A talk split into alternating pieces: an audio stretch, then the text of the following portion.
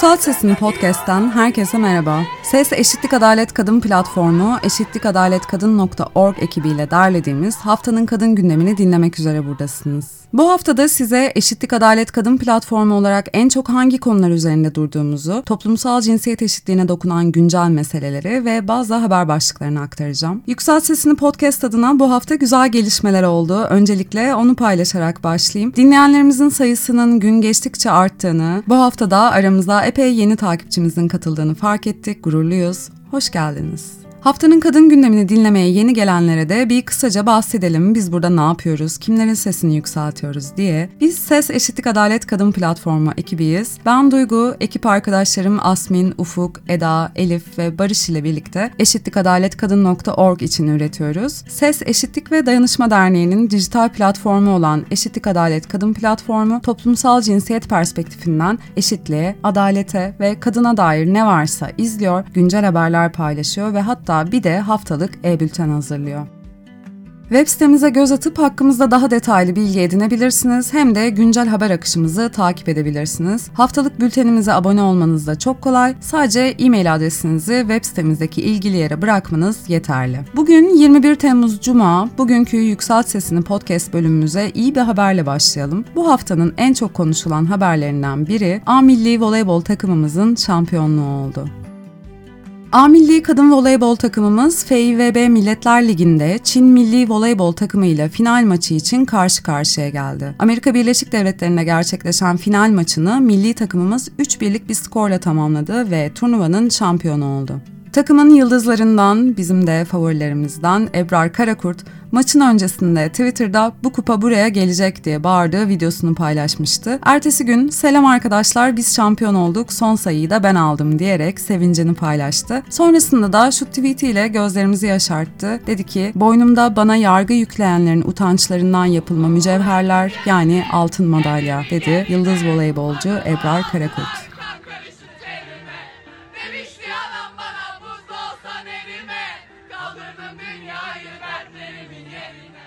Türkiye A Voleybol takımının kaptanı Eda Erdem de şampiyonluğu şöyle kutladı. Farklı kişiliklere ve yeteneklere sahip, tek bir hedefe odaklanıp bir olabilen, biz olabilen bir takımız. Bu şampiyonluk sadece bir sportif başarı değil, dayanışmamızın ve birlikte büyüme hikayemizin daima hatırlanacak bir parçası, dedi. Geçtiğimiz yıl İtalya'nın kazandığı Milletler Ligi'nde Türkiye ilk kez şampiyonluğu yakalamış oldu. Bu hafta üzerinde en çok tartışılan konulardan biri de karma eğitim gündemiydi. Milli Eğitim Bakanı Yusuf Tekin katıldığı televizyon yayınında kız çocuklarının okula gitme oranının artırılması ile ilgili konuştu. Veliler çocuklarını karma okullara göndermek istemiyorlar diyerek gerekirse kız okullarının açılabilmesi gerektiğini söyledi. Kız çocuklarını okula göndermeyen velilerin argümanlarından bir tanesi de ben çocuğumu erkeklerle aynı okula göndermek istemiyorum. Şimdi ben milli eğitim olarak birinci hedefim ne? Kız çocuklarının okullaşması. Yani o zaman veliyi ikna etmek için biz gerekirse kız okulları da açabilmeliyiz. Veli isterse çocuğunu kız okullarına gönderebilmeli, isterse erkeklerin gittiği okullara gönderebilmeli. Karma eğitim esastır. Ama bu tür gerekçelerle yani okullaşma oranının artması anlamında bu tür tedbirleri almak gerekiyorsa alalım beraber. Şimdi buradan hareketle karma eğitime karşı olduğum söyleniyor. Tam tersine özgürlükçüyüm karma eğitim isteyen veliler için de kuşkusuz o olacak. Zaten bizim Milli Temel Kanunu da öyle diyor. Karma eğitim esas. Ama benim asli görevim okullaşma oranını artırmak. Yani bunu bir e, gerekçe olarak ileri süren velilerin bu gerekçelerini elinden almamız gerekiyor. Dolayısıyla kız çocuklarla ilgili böyle bir şey yapılabilir demiştim. Oradan hareketle tartışma bambaşka yerlere doğru gitti. Bakan tartışmanın bambaşka yerlere gittiğini söylüyor olsa da kız okullarının tartışılıyor olması zaten başlı başına bir mesele. Kadınlardan ve kadın örgütlerinden de yanıt gecikmedi. Daha fazla kız çocuğunun okula gönderilebilmesi için kız ve oğlan çocukları için ayrı okulların açılması ile ilgili sorunlar ve endişeler şöyle dile getirildi. Eğitim Sen Genel Başkanı Necla Kurul, karma eğitim ilkesinin ihlal edildiğini söyledi. Kız çocukları çocuklarının eğitime erişimini sağlamak üzere yeni, güçlü, iyi politikalar uygulaması gereken, eşitlikçi, özgürlükçü politikalar uygulaması gereken Milli Eğitim Bakanı tersine şeye sayır, e, sarılarak yani veliler e, çocuklarını karma olduğu için okula göndermek istemiyor nedenine sarılarak karma eğitim ilkesini ihlal edecek bir açıklamanın altına imza atmıştır. Doğrudan bu açıklamayı yapmıştır. Bakın e, sokaklarda karmadır hayat. Kamu kurumlarında birçok kamu kurumunda karmadır hayat. Birliktelikler, evlilik ve benzeri diğer birliktelikler karmadır. Okullarda kız ve erkek çocuklarını ayrıştırmanın kendisi gelecekte kız çocuklarına yönelik baskının ya da saldırıların dozunun daha da artmasına yol açacaktır. Kız çocukları toplumsal hayatın, kamusal hayatın içine girebildiklerinde üç kadından birisi sadece istihdam sürecinin içerisinde. Oysa okullaşma çoğaldığında, artırıldığında e, kamusal hayata katılımı, iş yaşamına katılımı daha da artacaktır. Bu yüzden Türkiye'de ataerkil kurumsallaşma nedeniyle kız çocuklarının, kadınların haklarında çok ciddi gerilemelerle karşı karşıyayız. Milli Bakanı Yusuf Tekin'i biz önümüzdeki hafta ziyaret edeceğiz ve kendisine bu konuları da açık ve net biçimde anlatmayı planlıyoruz. Tartışmalar devam ederken Hüdaparlı vekil Şahzade Demir, Türkiye Büyük Millet Meclisi'nde çıkıp tartışmaları karma eğitim dayatması olarak yorumladı ve buna karşı çıktı. Sayın Milli Eğitim Bakanı'nın karma eğitim ile ilgili söylediklerine biz de katılıyoruz. Kimse çocuklarını karma eğitim veren eğitim kurumlarına göndermeye zorlanmasın. Kız çocukları da kız okulları da olsun, erkek okulları da. Aynı şekilde karma eğitim veren kurumlar da olsun. İnsanımız çocuğunu hangisine göndermek istiyorsa baskı altında kalmadan kendi hassasiyetleri ve değerleri doğrultusunda göndersin. İstediği hassasiyet ve anlayışla yetiştirsin. Karma eğitimin dayatılması ise bu hakkın ellerinden zorla alınmasıdır.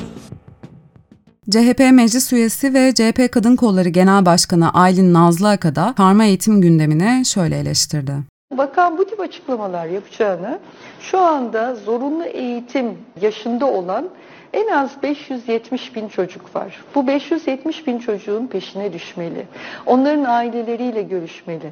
Bakın bunun 5 yıla kadar olan bir cezası var. Günlük 15 TL ve 5 yıla kadar olan cezası var. Dolayısıyla bu ailelerle temas kurmalı. Kaç aile var böyle? Bu ailenin kaç çocuğu var bu şekilde ve o çocukların bir an önce okula verilmesi, bir an önce eğitim hayatına başlatılması için neler yapılmalı? Hızla bu yönde aksiyon almalı.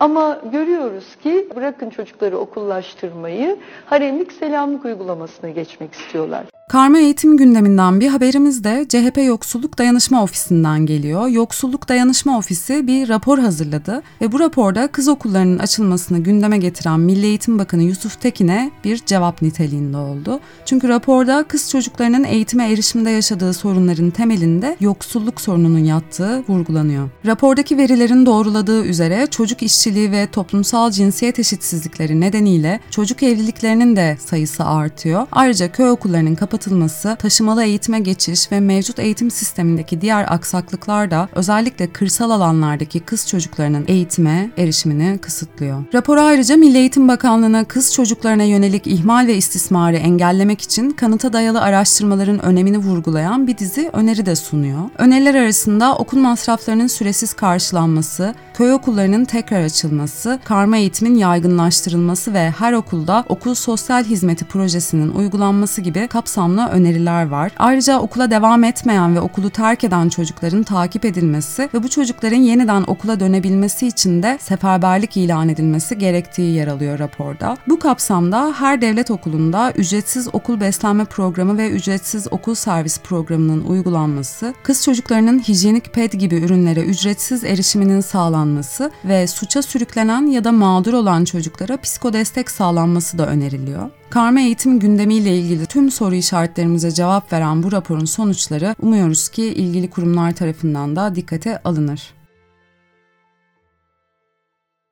Bu hafta eşitlikadaletkadın.org platformumuzda yer verdiğimiz bir yazıdan da bahsetmek istiyorum. Avukat Selin Nakıpoğlu tarafından kaleme alınan yazıda karma eğitim tartışmaları ile ilgili kapsamlı bakış açıları yer alıyor. Nakıpoğlu konuyu AK Parti'nin seçim öncesi ittifaklarıyla siyasal İslam temelinde toplumu yeniden inşa etme politikasının bir parçası olarak gördüğünü açıklıyor. Milli Eğitim Bakanı'nın karma eğitimi tartışmaya açması bu açıdan bakıldığında hiç de masum görünmüyor. Bu hafta bir yanda kız çocuklarının okula nasıl gönderileceği konuşulurken diğer yandan da yine ucu kadınlara ve kız çocuklarına dokunan bir konu yeni infaz düzenlemesi konusu tartışılıyor.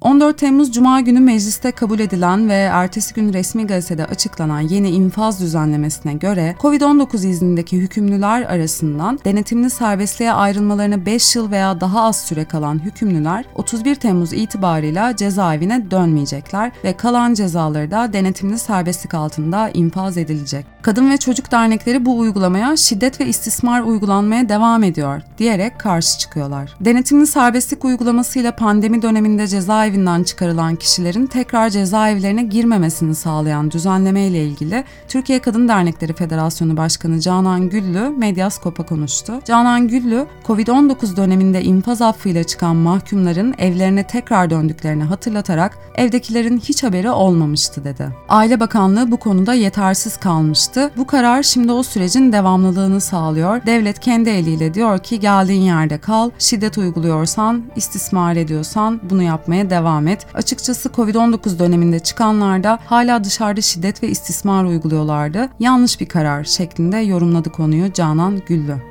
Yeni düzenlemeyi kadınlar ve çocuklar açısından Biyanet'e değerlendiren Eşitlik İçin Kadın Platformu üyesi, hak savunucusu ve avukat Hülya Gülbahar ise iktidarın paralel bir hukuk sistemi uyguladığını vurgulayarak şunları söyledi. Ceza hukukunun ve medeni hukukun hatta bir bütün olarak evrensel hukuk sistemine bağlı olan hukukun yürürlükten kaldırılarak yerine hali hazırda paralel bir hukuk olarak fiilen uyguladıkları dini hukuku geçirmeye çalışıyorlar. Bu Diyanet Devleti'nin tarikatlarla birlikte yürürlüğe koyduğu koyduğu ve tarikatlarla birlikte esaslarını ve zamanlamasını saptadığı paralel bir hukuk sistemi var. Bu hukuk sistemini 6 yaşındaki kız çocuklarının tarikat çevrelerinde evlilik adı altında sistematik cinsel istismarının meşrulaştırılması şeklinde de görebiliyoruz. Erkek çok eşliliğinin yaygınlaştırılması örneğinde de görebiliyoruz. Geçtiğimiz günlerde Bursa Karaağız Muhtarlığı'nın düğün, sünnet, kına gibi kutlamalarda davetiye yerine yazma, çorap, gömlek gönderilmesini, kadın ve erkeğin bir arada bulunmasını yasaklayan, kadınların eğlence evlenmesini düğün sahibi addedilen erkeklerin takdirine bırakan yazısında da görüyoruz. Dini hukuku hayata geçiriyorlar.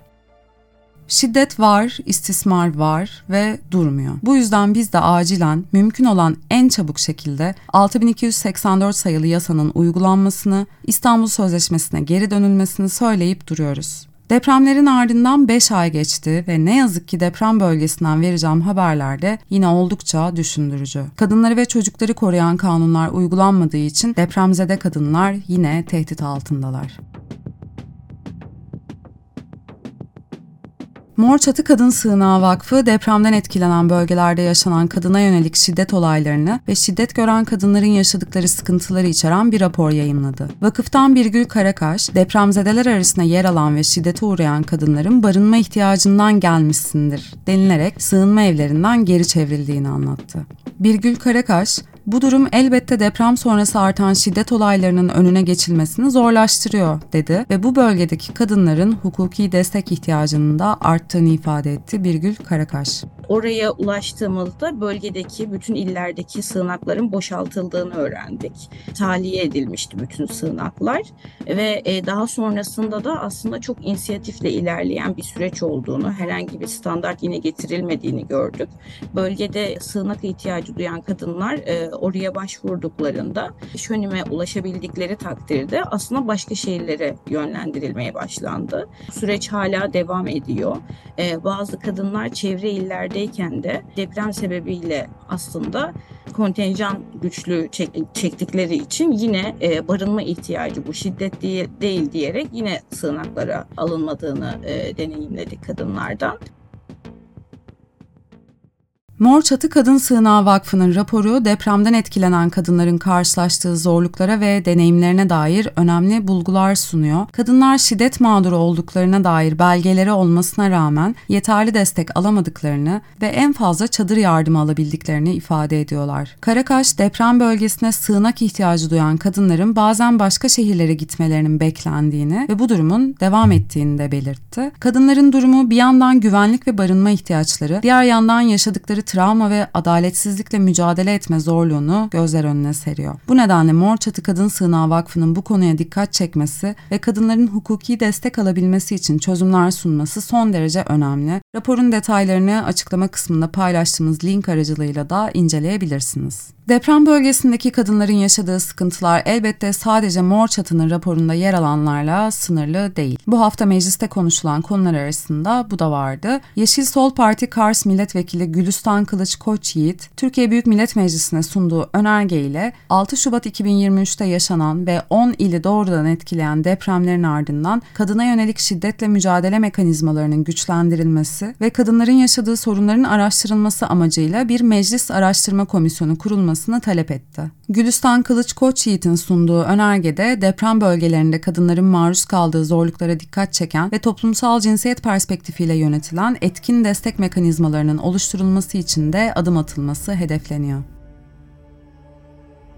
Edirne cezaevinde yaklaşık 7 yıldır tutuklu bulunan eski HDP eş genel başkanı Selahattin Demirtaş'ın eşi Başak Demirtaş sosyal medya üzerinden cinsiyetçi saldırıya uğradı. Başak Demirtaş'a sosyal medyada cinsiyetçi ifadelerle saldıran kişinin İstanbul Barosu'na kayıtlı bir avukat olan Osman Taşdemir olduğu ortaya çıkmıştı. Şimdi hem Demirtaşların avukatı tarafından suç duyurusunda bulunuldu hem de HDP Kadın Meclisi tarafından konuya ilişkin yazılı bir açıklama yayınlandı. İstanbul Barosu'ndansa konuyla ilgili ilgili herhangi bir açıklama gelmedi. Biz de Ses Eşitlik ve Dayanışma Derneği olarak Başak Demirtaş'a yapılan cinsiyetçi saldırıyı kınıyoruz ve mücadelesinde Demirtaş'ın yanında olduğumuzu söylemek istiyoruz.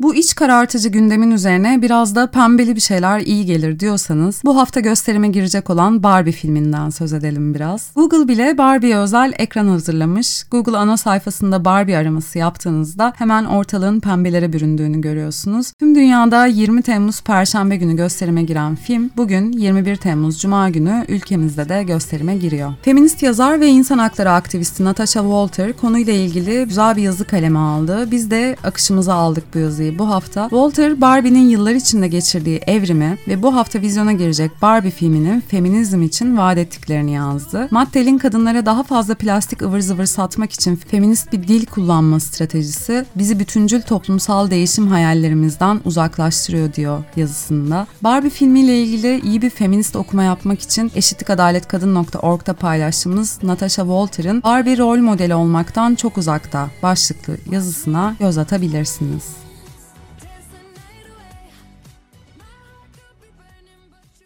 Ve Yükselt Sesini Podcast'tan bu haftalık bu kadar. Voleybol şampiyonluğu kutlayıp çocuklarımızın geleceğine, eğitimine hayıflandığımız, yine çok endişelendiğimiz anlarla dolu bir hafta oldu. Yeni infaz düzenlemesinden ve depremzede kadınların yaşadıkları çeşitli zorlukları ortaya koyan raporlardan söz ettik. Gündem yine yorucu olmaya başladı. Biz de haftaya biraz sürdürülebilir aktivizm ve toplumsal yas üzerine konuşalım diyoruz. Bakalım yeni hafta bize neler, ne haberler getirecek. News Up Turkey'nin desteğiyle hazırladığımız Yükselt Sesini podcast haftaya cuma yeni bölümüyle yine yayında olacak. O zamana dek bizimle sosyal medya üzerinden iletişime geçebilirsiniz. Görüşlerinizi, konu önerilerinizi, sorularınızı iletebilirsiniz. Ve online platformumuz eşitlikadaletkadın.org'un haftalık e-bültenine abone olarak da haber akışımızı doğrudan takip edebilirsiniz. Haftaya daha güzel haberler verebilmek dileğiyle, hoşçakalın.